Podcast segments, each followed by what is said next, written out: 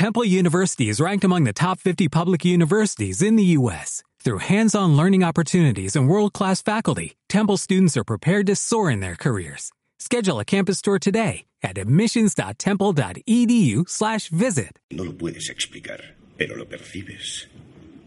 Ha sido así durante toda tu vida. Algo no funciona en el mundo, no sabes lo que es, pero ahí está como una astilla clavada en tu mente y te está enloqueciendo. Esa sensación te ha traído hasta mí. ¿Sabes de lo que te estoy hablando? Planetari.ràdio. És hora d'obrir els ulls.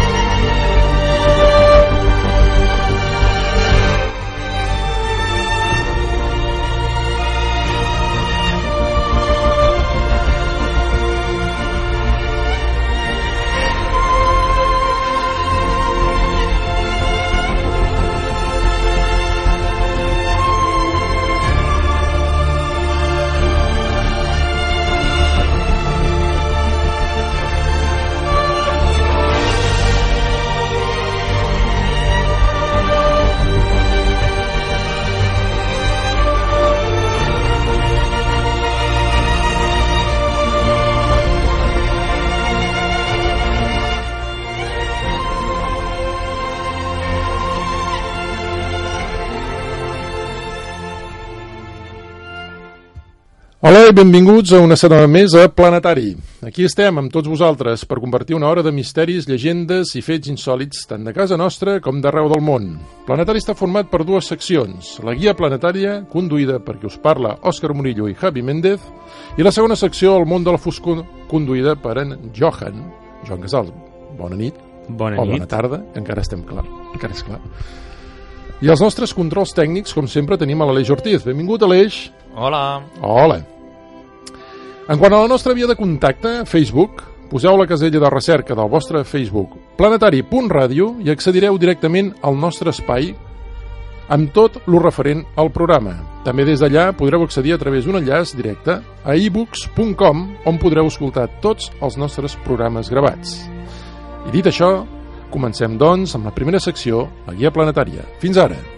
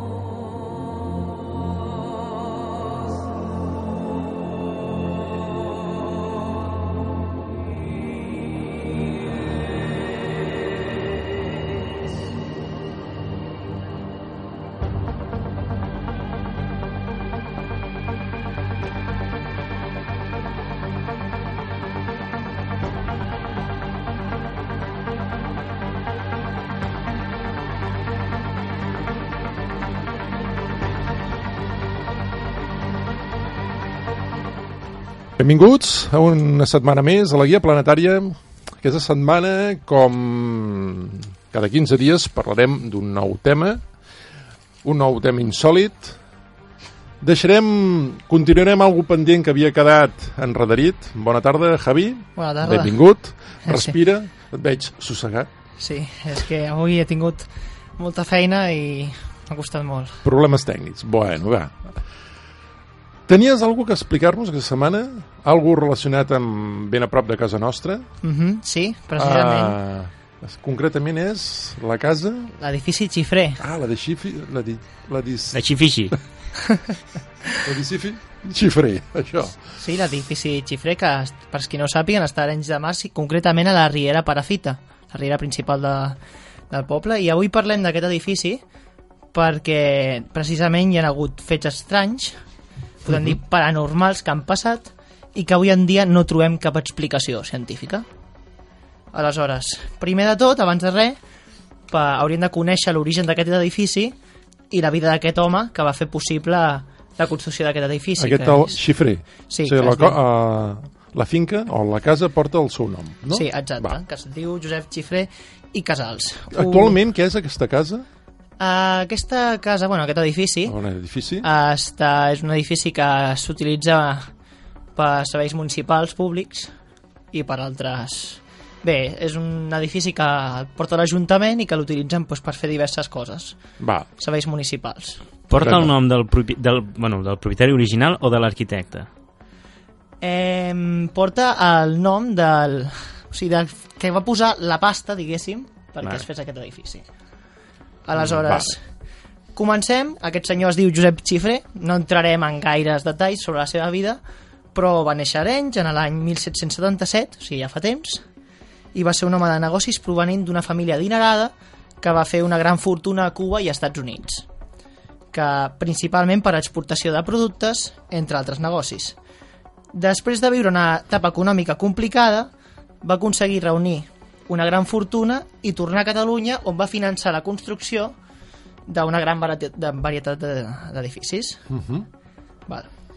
I aquí és on entra el conegut edifici xifrer, que està a Arenys, i que va ser creat amb l'objectiu de que fos un hospital i que al llarg dels anys ha anat canviant de funció i que finalment s'ha convertit, com dèiem abans, en un edifici que s'utilitza per diferents serveis municipals. Val. Val.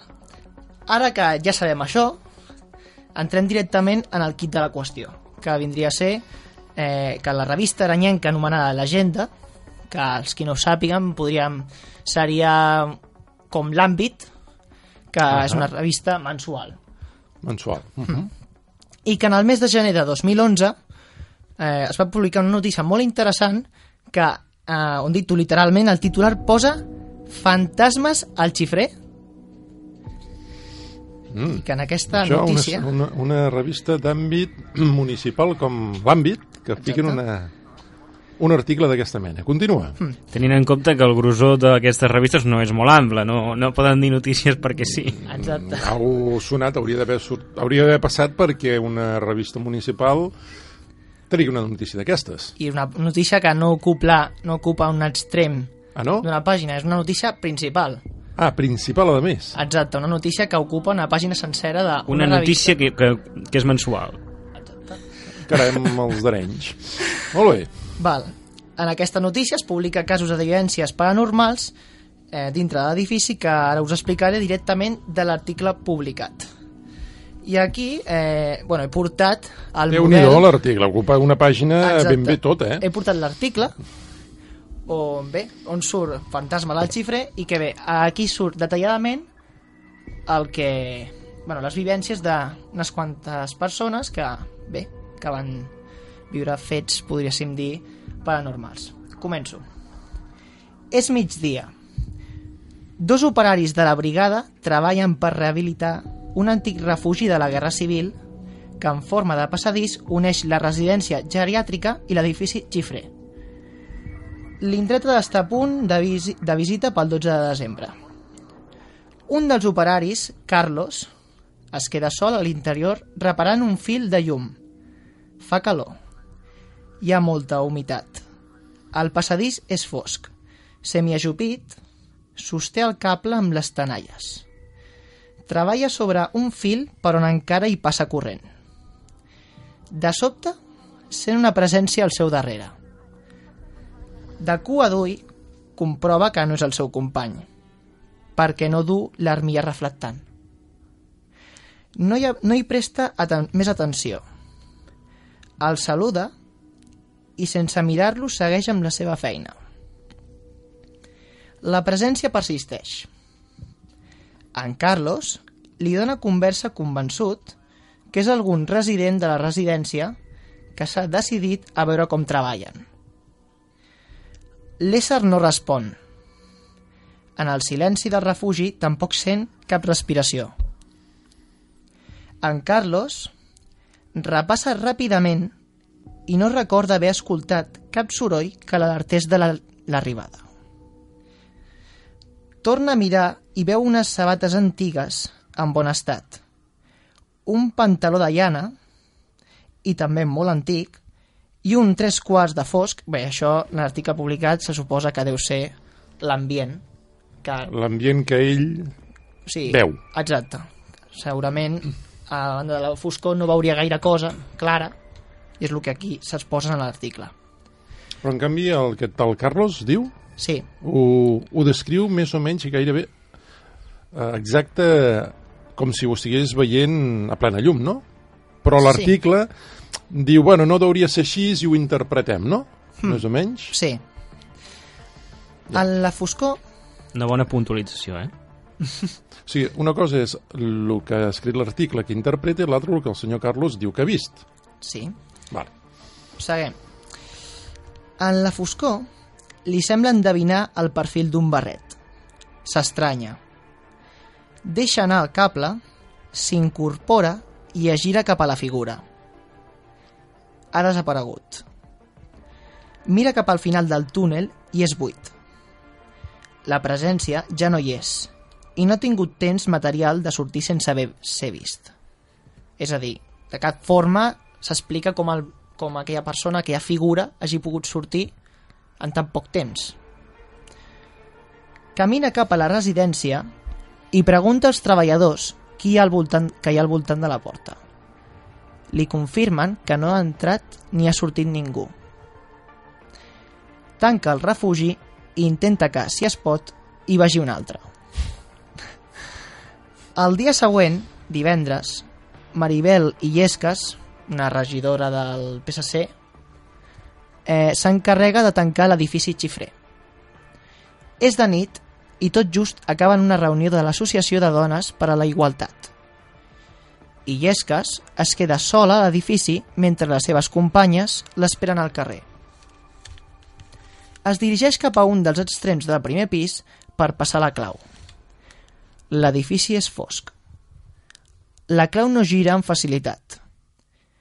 De sobte, darrere seu a poc més d'un metre, a l'alçada de la seva oïda, sent dos cops sords. Ella es neguiteja i crida a les companyes. No la senten. De sobte, la clau gira, tanca la porta i surt ràpidament de l'edifici. No fa pública la història fins que coneix el cas del geriàtric, és a dir, el cas d'aquest senyor... Que En Carlos. En Carlos, exacte. Ara aquí, a l'article també es publica que no són les úniques experiències estranyes que s'han viscut al xifrer.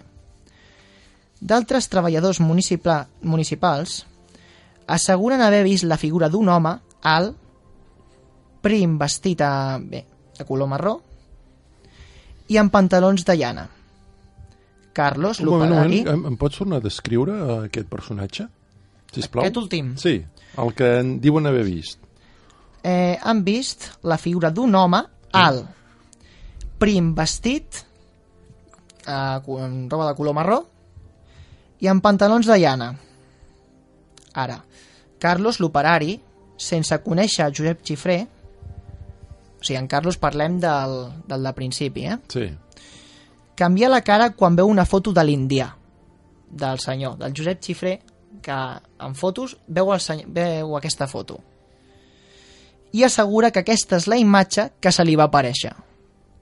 Bé, Després una senyora que es diu Maria Antònia Martí, experta en esoterisme, reconeix la possibilitat de l'existència d'alguna presència espiritual de Josep Xifré i explica que no és el primer cop que, en l'edifici, s'han vist situacions difícils d'explicar. A més, coincideix en dir que al refugi se sent percepcions especials i que hi ha al voltant de la figura del xif de Xifré i del trasllat del seu cos un seguit de situacions que dificulten el descans etern de la seva ànima. A més, alguns aranyencs lliguen les aparicions amb l'incompliment de la deixa que va fer. Recordem que Xifré va deixar l'edifici al poble perquè fos un hospital.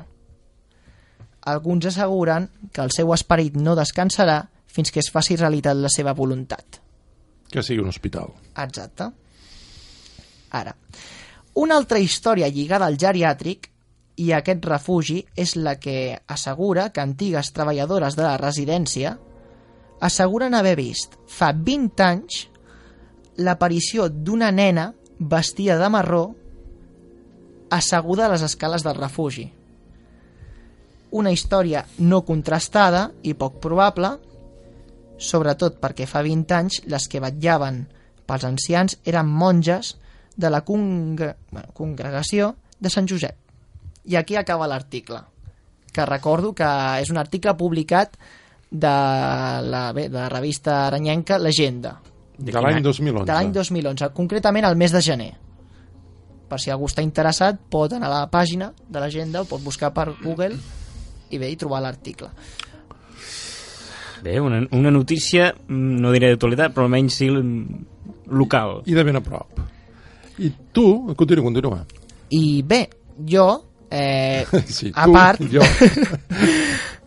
a part, bé, un, aquest any ha estat, també va ser a l'hivern, vam fer, vam anar amb uns amics a Casa Xifre, perquè bé, vaig sen, bueno, vam, la gent, molta gent del poble coneix bé, que hi, en aquell, en aquell edifici i passen coses i bé, també per interès mm, nosaltres vam anar, jo amb uns companys, érem, aquesta vegada érem quatre, sí, eren quatre en total, i vam anar allà amb, amb, per fora de l'edifici perquè no Ah. es pot entrar. Per fora, és el que anava a dir, per fora, no? Clar. O hi ha permisos per entrar dins... Això és el que...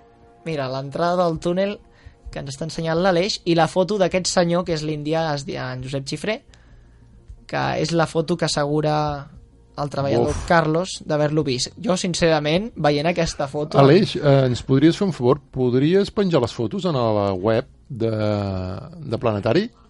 Sí?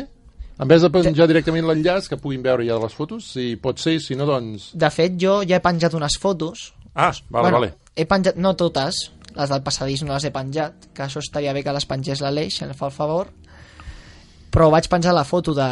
fa un moment, la foto d'aquest senyor, i unes fotos que vam fer jo, bueno, que vam fer nosaltres, jo i els meus amics, quan vam anar a l'edifici Xifré per fora i vam, bé, un amic meu per curiositat va començar a fer fotos a les finestres. I A bé, quina, hora, a quina hora era això, aproximadament, que estàveu allà? de nit també, a les, seria a les 12 de la nit.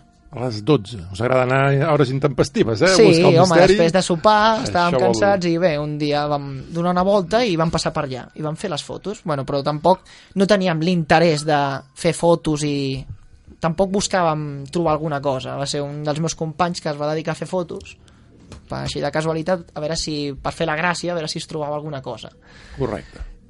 i després el que em va sorprendre és que el dia següent, al passant-se de les fotos, eh, tal i com us les he penjat, bueno, va marcar, estan marcades fotos, zones de la finestra on sembla ser que hi ha com cares.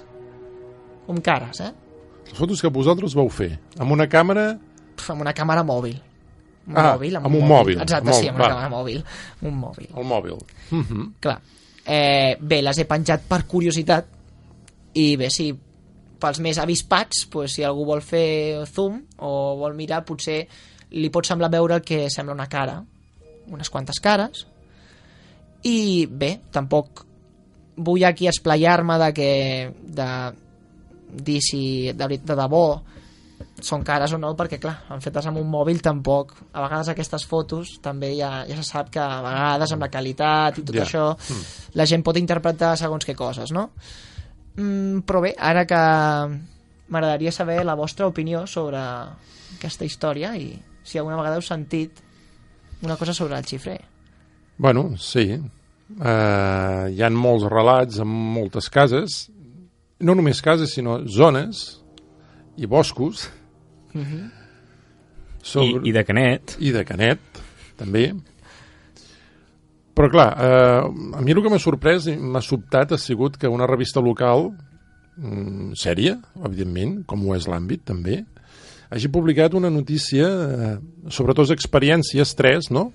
o bueno, dues experiències de persones que, que han tingut un encontre amb algú que no saben ni coneixen. El cas d'en Carlos, per exemple, si no ho tinc entès malament, és un operari que venia de fora de, fora de Exacte, treballar. d'una empresa. De fora.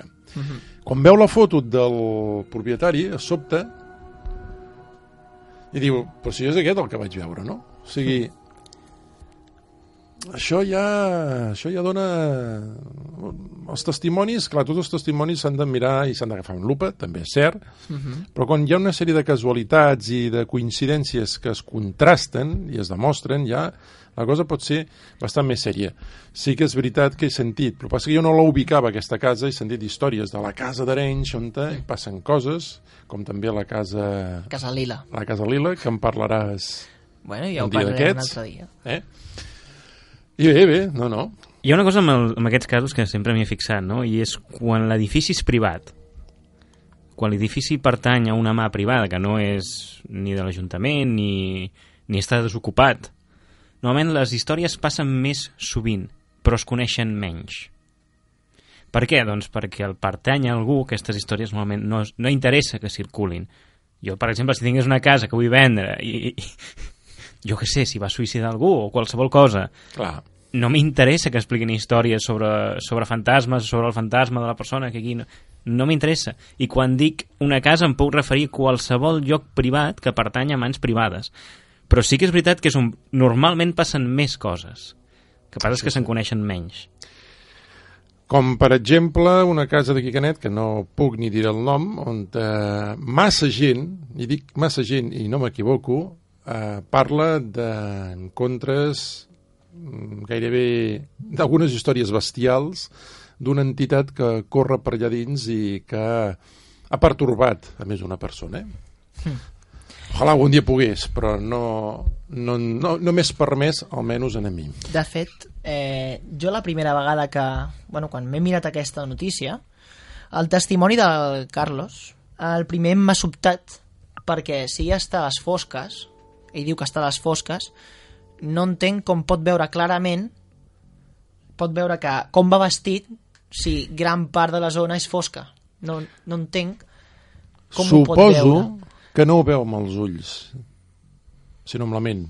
I estic segur que aquest tal Carlos, si pogués parlar amb ell, ojalà, i li preguntés, que recordés, si més no, com veia les imatges d'aquesta, del seu entorn, inclús del mateix personatge, estic segur que diria amb un color una mica com desaturat.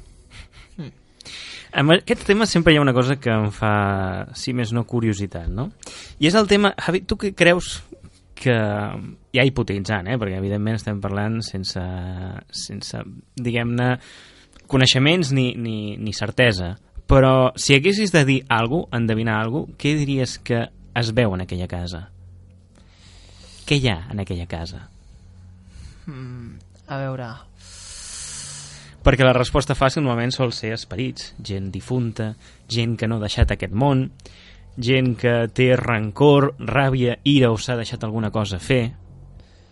Clar, és que a veure, clar, jo no puc parlar de què hi ha en aquella casa quan realment tot el que es parla en aquest article hi ha tot el, tot el que es parla de gent del poble mm, no és un, gaire informació precisa, detallada jo crec que eh, l'Òscar té molta raó en un sentit de que la ment d'alguna forma juga a vegades males passades Uh -huh.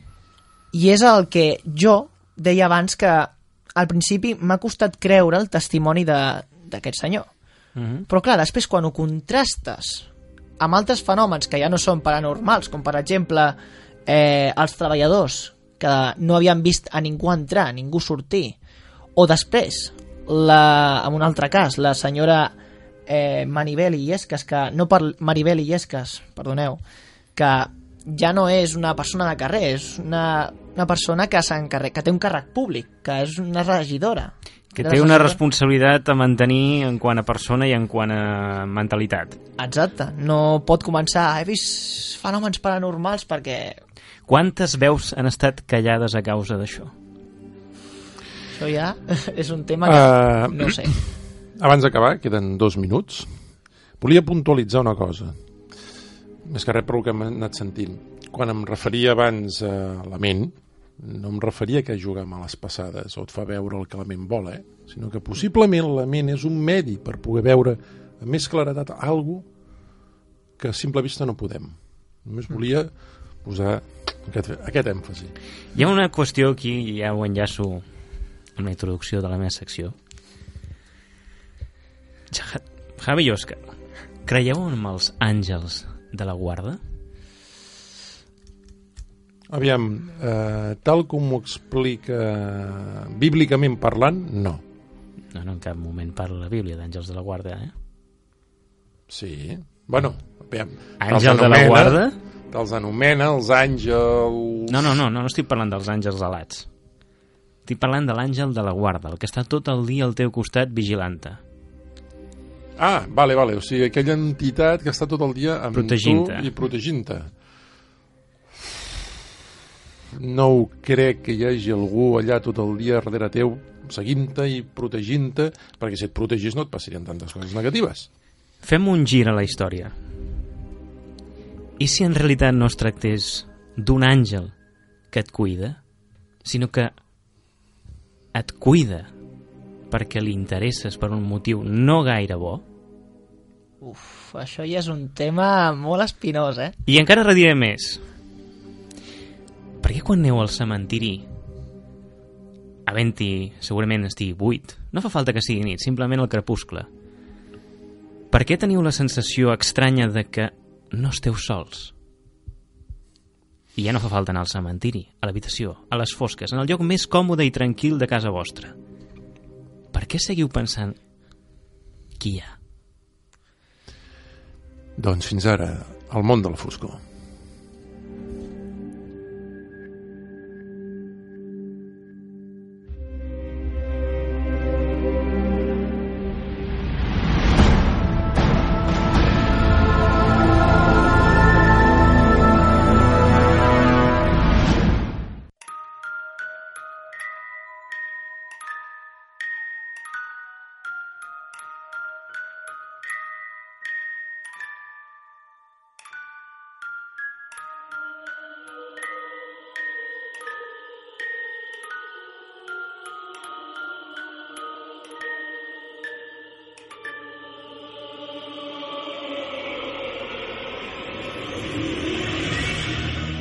Què tenim por de la foscor?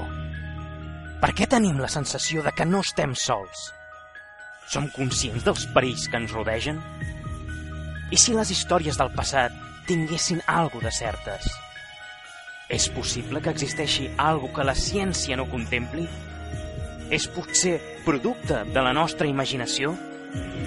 O és potser que només és visible a través de la ment? Qui són? Què són? Què volen? O és potser l'ésser humà a qui realment hauríem de tenir pànic? Teniu por? Hauríeu.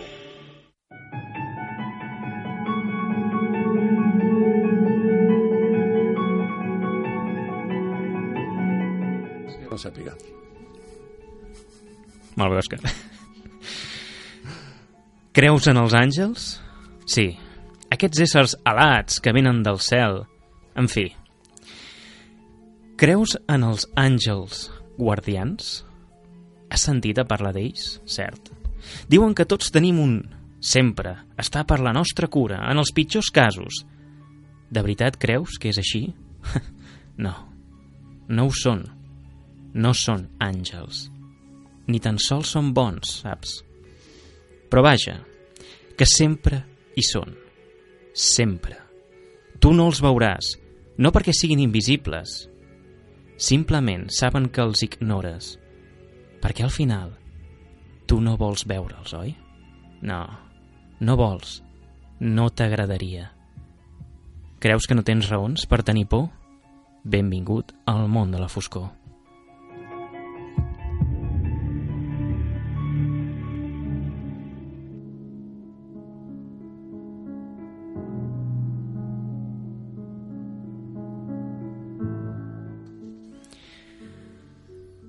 Ahora estarás descansando en un lugar cómodo, familiar y solitario, escuchándome, mientras detrás de ti hay algo que te observa, te vigila, pero no porque se preocupe por ti, solo cuida su fuente de alimento.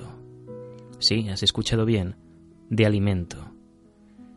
¿Te crees que lo que hay en los cementerios son las almas de los difuntos, que desean que vayas a hacerles una visita para que se sientan menos solos con tus lágrimas, deseos y esperanzas? ¿De verdad crees que lo que ahí se respira es paz, tranquilidad y amor? Entonces, ¿por qué impone esa sensación que no sabes explicar cuando entras ahí? ¿Por qué por la noche transmite claramente que es mejor que no entres ahí?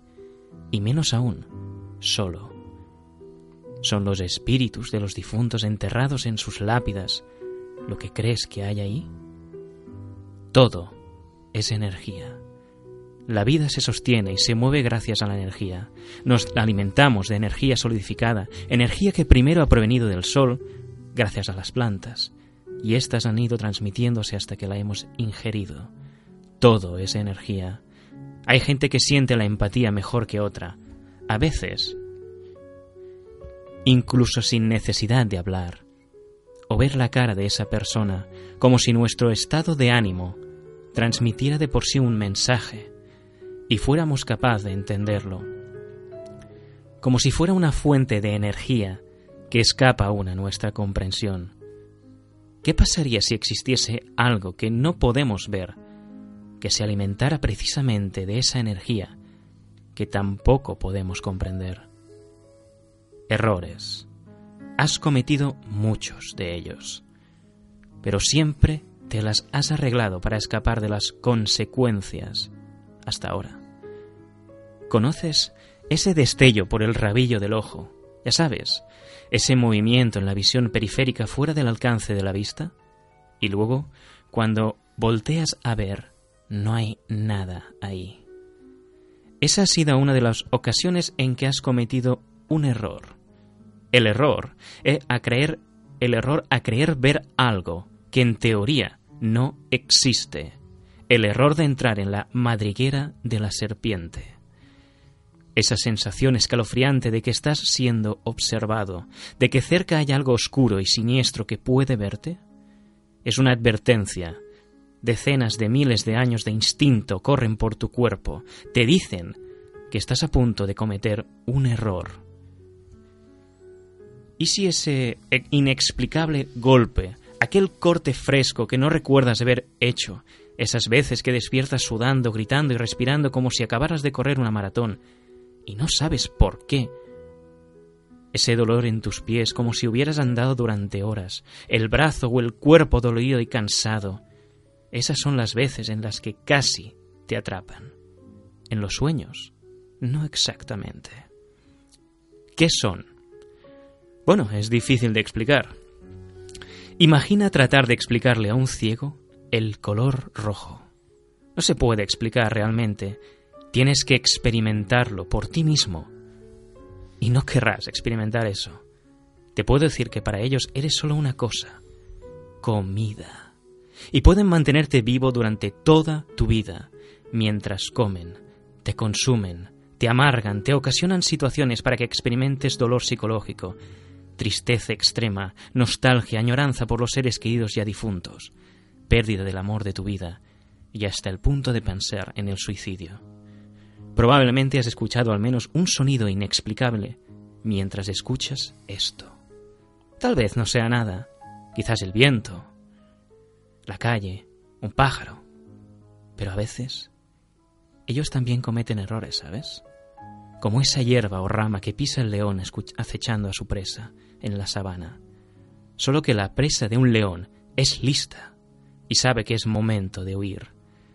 Los humanos, sin embargo, hemos sido educados, educados para no solo no responder ante una amenaza, sino a ignorarla por completo y aún más, a reírnos entre nosotros de aquellos que siquiera mencionan la posibilidad de que eso exista, o educar a los niños a que lo que ven detrás de su armario, bajo su cama, o ese amigo invisible que dice tener, no existen, consiguiendo así un olvido absoluto y autoprotegido, consiguiendo una fuente de alimento inesgotable y autodependiente que se reproduce y que cada vez es más ciega.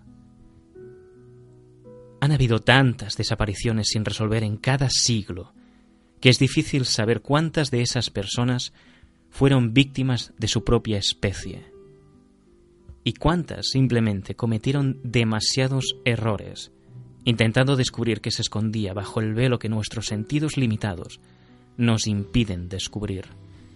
No los ves, pero ellas, ellos a ti sí, con sus ojos rojos. Son temibles cuando los ves, te lo puedo asegurar.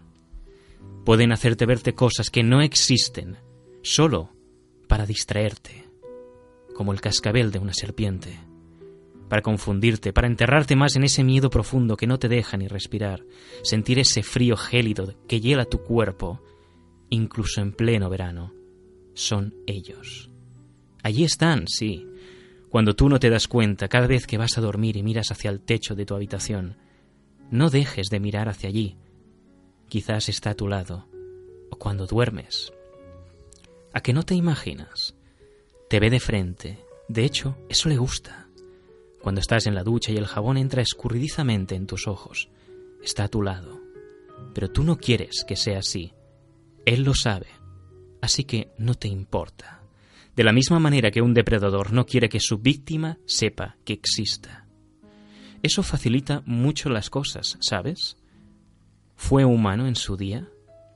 Lo dudo. Es algo que se le debería preguntar, si te atreves. De hecho, ahora está detrás de ti, sí.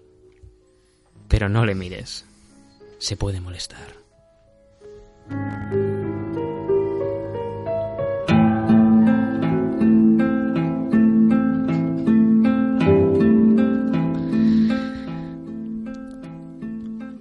Ara faig una altra història.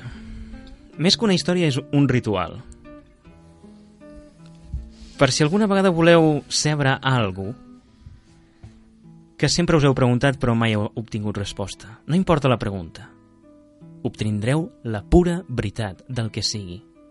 Ara, a un risc bastant alt. Cigarrillos. Ve hacia algún baño de alto tráfico. Debe ser un baño donde haya estado mucha gente. O no habrá la suficiente energía latente residual para poder hacer esto. El baño de un hotel es perfecto. Asegúrate que es después de las 12 de la noche. Y asegúrate de que lleves dos cigarrillos. Ni uno, ni tres, ni más. Solo dos. Eso es muy importante. Entre más fuertes y negros sean los cigarros, más probabilidades de éxito tendrás. Siéntate a oscuras y fúmate uno de los cigarrillos. Asegúrate de que haya un espejo y que puedas ver tu reflejo siempre. La cereza del cigarrillo encendido te debe dar la luz suficiente para esto. Cuando te hayas fumado más o menos tres cuartos del cigarrillo, el cuarto deberá estar lleno de humo. Tus ojos probablemente se pondrán llorosos, pero no parpadees, no quites la vista de tu reflejo en el espejo por nada del mundo. Fíjate un punto, un ojo, tu nariz, tus labios, pero no apartes tu mirada de ese punto. Si parpadeas, intenta que sea durante el espacio de tiempo menor posible. Te darás cuenta de que tu reflejo se desvanecerá en la oscuridad sin embargo, la cereza del cigarro se separa en dos rojos. No los mires. El humo del cuarto se empezará a condensar y antes de que te des cuenta de lo que ha pasado, una figura estará sentada a tu lado. Te pedirá un cigarrillo, dáselo, y se encenderá por sí solo en cuanto lo lleve a donde su boca debería estar. En este momento puedes preguntarle lo que tú quieras y siempre te dirá la verdad. Puedes preguntarle sobre quién mató a JFK o quién era Jack el Destripador, cualquier cosa que se te ocurra. Asegúrate de estar pendiente de cuánto ha fumado el cigarrillo. Cuando esté a punto de acabársele, el humo de tu cigarro empezará a definir más de sus facciones, haciéndolo más material que etéreo. En este momento párate y arráncale sus ojos de un movimiento. La figura deberá ser en su mayoría humo, así que tus manos atravesarán su cabeza. Si dejas que termine su cigarro, él te atacará, seguramente tomando tu vida. La figura te gritará e insultará, y la mano con la que arrebataste sus ojos te arderá intensamente. No abras tu mano. Aunque los ojos se hayan casi desvanecido, pueden aún ver. Corre hacia el interruptor de luz y préndelo, sin abrir la mano. Esto desvanecerá a la forma física de la figura y lo regresará a su forma etérea. Abandona el cuarto y espera hasta después de las tres de la madrugada para abrir tu mano. Probablemente el ardor sea insoportable, pero si abres la mano, todas las luces del próximo lugar solitario en el que estés se apagarán, permitiéndole a la sombra regresar y tomar venganza. Quizás tengas marcas en la palma de tu mano cuando las abras, y aunque ya cauterizadas, a partir de ahora no podrás nunca estar en un cuarto a oscuras con un espejo, porque la figura podrá seguirte gracias a las marcas en tu mano. Después de esto, quizás sientas más frío de lo normal, sin importar lo cálido del lugar donde estés. A partir de ahora, tendrás muchas pesadillas, pero en ellas tendrás la habilidad de una especie de sexto sentido. Podrás ver eventos futuros cercanos, quizás cosas horribles, cosas que solo tú sabrás y nunca podrás detener. Supongo que es un pequeño precio a pagar por el conocimiento absoluto.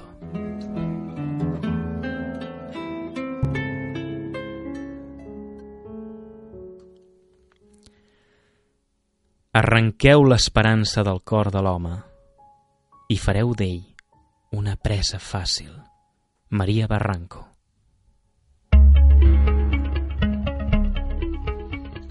I la següent història?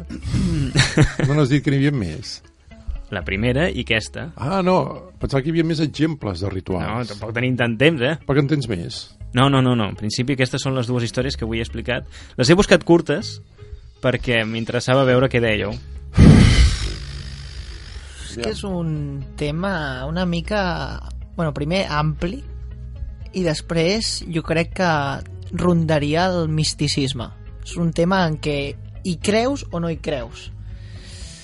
Jo, com afortunadament no he viscut, crec, no ho sé, perquè tampoc eh, no sé si dir-li que aquests fenòmens els he viscut o no, però eh, jo crec, bueno, no ho he viscut afortunadament i penso que això crec que és poc probable però clar, és el que deies tu.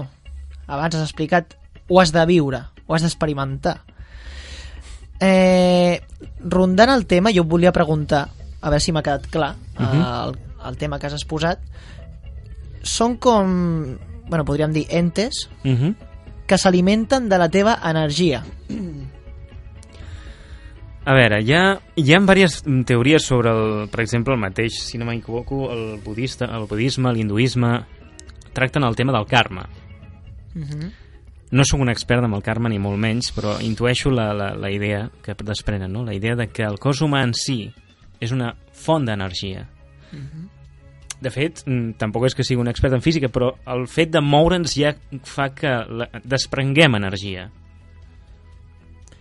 Aleshores, eh, els sentiments, tot i que provenen del cervell i els gestionem dins d'una forma interna i que els expressem més aviat en paraules, en fets, en, en expressions, sí que es, pot, puc dir que l'energia pot ser positiva o negativa i això la gent ho, tran, ho, ho transmet, vull dir, ho captem i no només tan sols amb, amb la cara, que és, la, que és el mirall de l'ànima. Aleshores, tot el que és energia en certa manera és un aliment per qualsevol altre que la pugui rebre o la pugui captar. Això és, un fun... això és fonamental en el sentit de- d'entendre això molt esotèric, molt estrany, però si ens posem a pensar sobre què entenem d'aquest món, ens sorprendria i al vegada ens aterroritzaria. Però és que el que passa és que jo no entenc el motiu per al qual aquests entes Mhm. volen provocar el mal a la persona quan també... No, no, no, no, no. No, No, no sé. no, ells no Però no, volen- ell, ell està vinguent a dir que l'alegria és també una font d'energia. Mhm. però és molt més fàcil fer... Engu... fer en... Entén-me, quan si- siguem maquiavèlics, intentem pensar en què li has de fer una persona i tens un limitat temps, què és més fàcil, fer-lo feliç o fer-lo trist? Home, És molt simple, mates a la seva mare i ja el ja fas està, trist. això sí. És la cosa més simple. Aconseguir la felicitat, per altra banda, tot i que és molt fàcil, perquè només fa falta veure els nens de l'Àfrica, que tenen la, són les persones més desgraciades i en canvi semblen ser les més ale- alegres, possiblement per la ignorància, perquè no oblidem que la ignorància en part és la felicitat. Però quan... És com la història que vaig explicar l'última vegada, no? la història d'Antero, no? No és la mateixa història quan tu tens, un, quan tens 5-6 anys i t'imagines els monstres que t'entren per l'armari, que quan comences a ser un, un adolescent. Les històries són més perverses, molt més macabres, molt més molt més pertorbadores. I vulguis o no, hi ha molta gent que té problemes psicològics, hi ha molta gent que pateix molt i més en temps de crisi, i vulguis o no, ara estem en un moment en què si, en, si l'energia és algun tipus de font d'alimentació, ara s'estan fent un festín. Ai, pa- parlant hipotèticament, clar. Podríem arribar a pensar inclús, ja pensant malament, que aquestes suposades entitats que s'alimenten de l'energia negativa, perquè possiblement aquesta energia és molt més forta, molt més fàcil i molt més ràpida, seductora, que l'alegria, la felicitat, podrien arribar a pensar que inclús aquestes suposades entitats provocarien d'alguna manera que aquests estats alterats de consciència negativa per poder-se alimentar. Aviam, l'aliment no és res descabellat, nosaltres ens alimentem de éssers inferiors. Pensar que hi ha algú per, davant, per damunt nostre alimentant-se de nosaltres és, un, és una descabellada. Simplement no ho acceptem, perquè diem, "Ah, això no pot ser, i, i per què no? Podria ser, però de la mateixa manera que hi ha entitats que s'alimenten de la nostra situacions negatives, també podrien haver-hi entitats que s'alimenten de les nostres sensacions positives. Clar, és que és això. És el que, d'alguna manera, jo estava pensant, perquè, a veure, jo, jo tinc la creença de que quan nosaltres ens morim, Uh -huh. nosaltres som, clar, com estem fets d'energia, perquè Mhm. això sí que jo crec en això, Bé. eh, penso que la nostra energia, que alguns li, li podrien dir ànima, els altres bé, eh, depèn de la religió, depèn de qui ho miri, mm, aquesta energia es queda aquí. Es queda aquí, es pot quedar aquí en el món en què nosaltres, els vius, encara estem, Uh -huh. i vaga pel món i alguns els podem ja anomenar els esperits, Uh -huh. Altres els àngels guardians, com Mhm. abans hem comentat, i això els ent les entitats que, que acabes d'exposar. Mm, seguint amb aquest criteri, jo trobo que segueixo amb la idea de que això o hi creus o no hi creus. Perquè és un... Al ser un... Primer, No, no és qüestió teoria, de creure-hi o no creure-hi, és qüestió de... Viure-ho, també podríem dir. Ara. És, és com tot. Uh, Sí. com dir-t'ho? Quan, quan, un, quan una cria de qualsevol espècie d'animal que existeix neix, creix, es desenvolupa, és feliç, corre, però és la mare que cuida de la cria, perquè no és conscient dels perills que corre exponent-se al, a la, a la sabana o, o digue-li on vulguis. És a mesura que anem creixent, que, estem, que veiem coses. Què passa per això amb els humans? Els humans hem, ens hem instal·lat en les nostres ciutats, en les nostres cases, en els nostres furtius. Ens sentim segurs, ens sentim protegits. Ja no tenim la por a la nit, ni la por a la foscor, als sorolls de la nit. Però no obstant, seguim tenint por, inclús els més petits, a la foscor absoluta. Per què? Per aquests records que tenim que abans el, el bosc era perillós, que hi, havia, que hi podien haver-hi llops, i podien haver-hi qualsevol tipus de perill, i el, el, el record innat de, de, dels nostres ancestres ens segueix perseguint. Probablement. Però no és més cert el fet de que seguim tenint por a la foscor. I seguim sentint coses i veient coses que molta gent ho aixecarà la casualitat i probablement seran casualitats. No, no oblidem que ens envolten altres éssers vius, com poden ser ocells, poden ser, jo que sé, pitxos que estan pel rates, per exemple. Però hi ha vegades que ens volem justificar dient que, bueno, no ha estat res, però seguim pensant, però què pot haver estat? Uh, has viscut alguna experiència de veure allò per al rebilló de l'ojo, girar-te i no veure res? Javi? També anomenat, segons com, déjà vu. Mm. No és exactament el mateix, no. però també però també in- s'inclou en això. Sí, val, sí. Bueno, jo els déjà vu o déjà vu, que ja... Que vol dir ja vist? Mm -hmm. eh, sí, n'he viscut uns quants, la veritat. Però jo crec que això, eh, per explicar-ho, l'origen de, bueno, d'aquests déjà vus o déjà vus, eh, faria falta saber eh, analitzar completament eh, la nostra ment. I ja sabem, que bé, els qui no ho sàpiguen, que part de, o sigui, gran part del nostre cervell està inactiu o ho desconeixem completament. Hi ha qui parla de que és, hi ha més d'un 50%, altres que diu que això és mentida, altres... Clar. És quan, quan la informació està tan difosa és perquè algú no interessa que sàpiga. Però independentment del, del que parles de la ment i de la nostra potència, et, et donaré un exemple que m'agrada molt donar-lo. Per exemple, el matxero que tinc a, en la taula, de quin color és? Jo el veig groc. És color groc. Quins són els tres colors primordials que veiem? Els que deriven tots ells. Els coneixes? Seria el vermell, si no m'equivoco, el blau i... pot ser el groc, també? Aquests són els colors Sí, de, de la pintura. primaris. Els colors primaris de, de, de la llum són el cian, Ah, el magenta Ah, i el verd. els de la llum. No, no, però també em serveix, igual. Qualsevol dels tres em serveix. Però aquests són els tres únics que podem veure. A partir d'aquests veiem 2.500.000, si no m'equivoco, si no vaig errat. Els gossos poden veure dos, que és el blau i el verd. Mhm. Vale? Que seria el cian i el verd. Aleshores, en certa manera, és com si ho veiessin en blanc i negre. Imagina't, doncs, la diferència entre dos colors, tres colors. És enorme. Enorme. Vale? La pintura ho és. Ara, doncs, posa't al cas i imagina't la papallona que és capaç de veure amb sis filtres, no només tres, sinó sis filtres. Mm. A l'extens que tu veus de prats verds, muntanyes, ells no veuen color verd. Que és que potser no és. No, no, no, clar, nosaltres ho veiem verd perquè és així com ho capten És els que nostres potser ulls. realment no ho és així, també. Doncs si la papallona en té sis, ens anem a la mantis marina, que és un bitxo molt... depèn de com ho vegis, és molt maco o molt lleig, que en té 15. Pau. 15 filtres. 15 filtres. O sigui, ell veu un arcoiris i allò és una explosió nuclear. Mare meva. Això només demostra la, la poca capacitat que tenim d'entendre el que ens envolta. És un petit exemple només, eh? Mm. Però és perquè m'entenguis quan parlo de, de que a vegades hi ha coses que possiblement no les podem veure amb els ulls, com això demostra, no? És com ara, per exemple, els gossos o els gats. No t'has quedat alguna vegada fixant que estan mirant un punt fix a l'infinit o, o al buit? Jo això ho he vist en un cavall.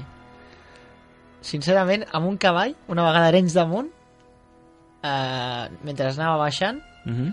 vaig veure un cavall blanc amb la pota aixecada mirant O sigui, mirant directament a la llunyania... A la llunyania Bueno, potser mirar el paisatge. Del... Sí, però mirar el paisatge, però...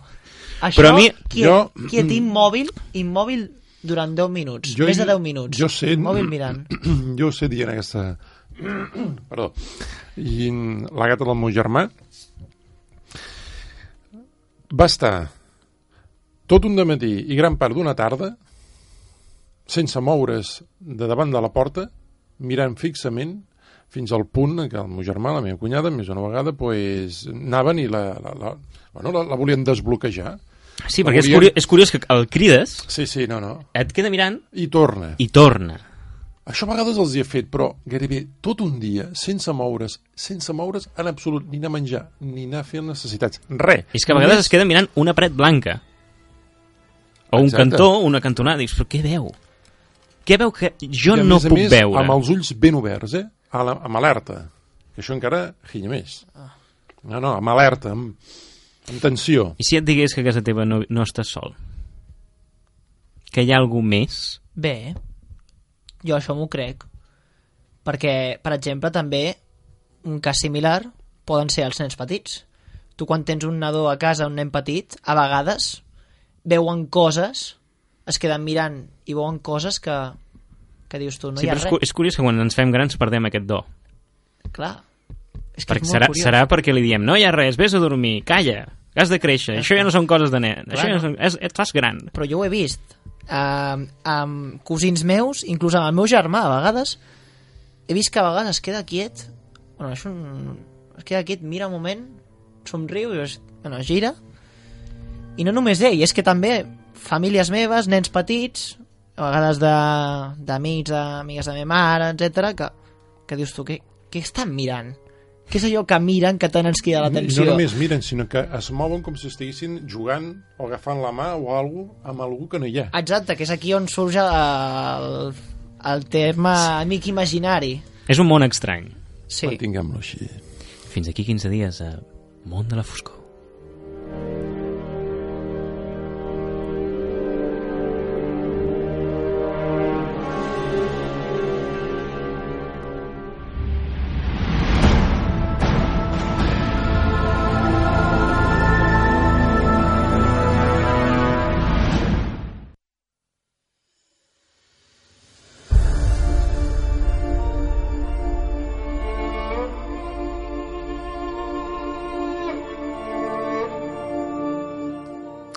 Bé, fins aquí el programa d'avui. Heu escoltat Planetari, una producció de Ràdio Canet per a la xarxa de comunicació local. I abans de marxar, us vull dir que, si tot va bé, la propera setmana, dissabte a la tarda, anirem a fer aquell reportatge al bosc dels rius, dels rius que teníem pendents, farem un reportatge en directe, gravarem... Al final us atreviu. Sí, gravarem, farem fotos que penjarem totes en el Facebook i anirem a la tarda vespre. Eh, ens endinsarem un parell de coves que tenim localitzades tot mantenint el respecte i en el proper planetari en quant a la guia planetària doncs tractarem de bueno, què hem vist, què hem viscut i Que recordem que, bueno, tu, com em vas dir tu, Òscar, que es va oferir una persona aportant-se. Apor- bueno, aportant-se que és una persona seguidora d'aquest programa, que Sí, des d'aquí sí, sí, jo sí, i un li gran- dono les gràcies un- si ens està sentint. un gran conductor i un amant d'aquest- d'aquests temes. Pues molt bé. És bo saber-ho. Eh, la nostra via de contacte. Planetari.ràdio accediu en el vostre Facebook i poseu a la vostra casella de recerca planetari.ràdio i accedireu a tot el contingut del nostre programa i a través de Facebook a través d'un enllaç directe accedireu també a ebooks.com i b o o x.com on podreu escoltar tots els nostres programes gravats Que, per cert, aquest és el 15è d'aquest any. el 15è d'aquest any. Déu-n'hi-do. déu nhi déu Gràcies, Aleix, Johan, Bona nit. Javi i a tots vosaltres, radioients, per haver-nos escoltat. Fins aquí 15 dies a una nova edició de Planetari. Adéu-siau. Bona, Bona nit. nit.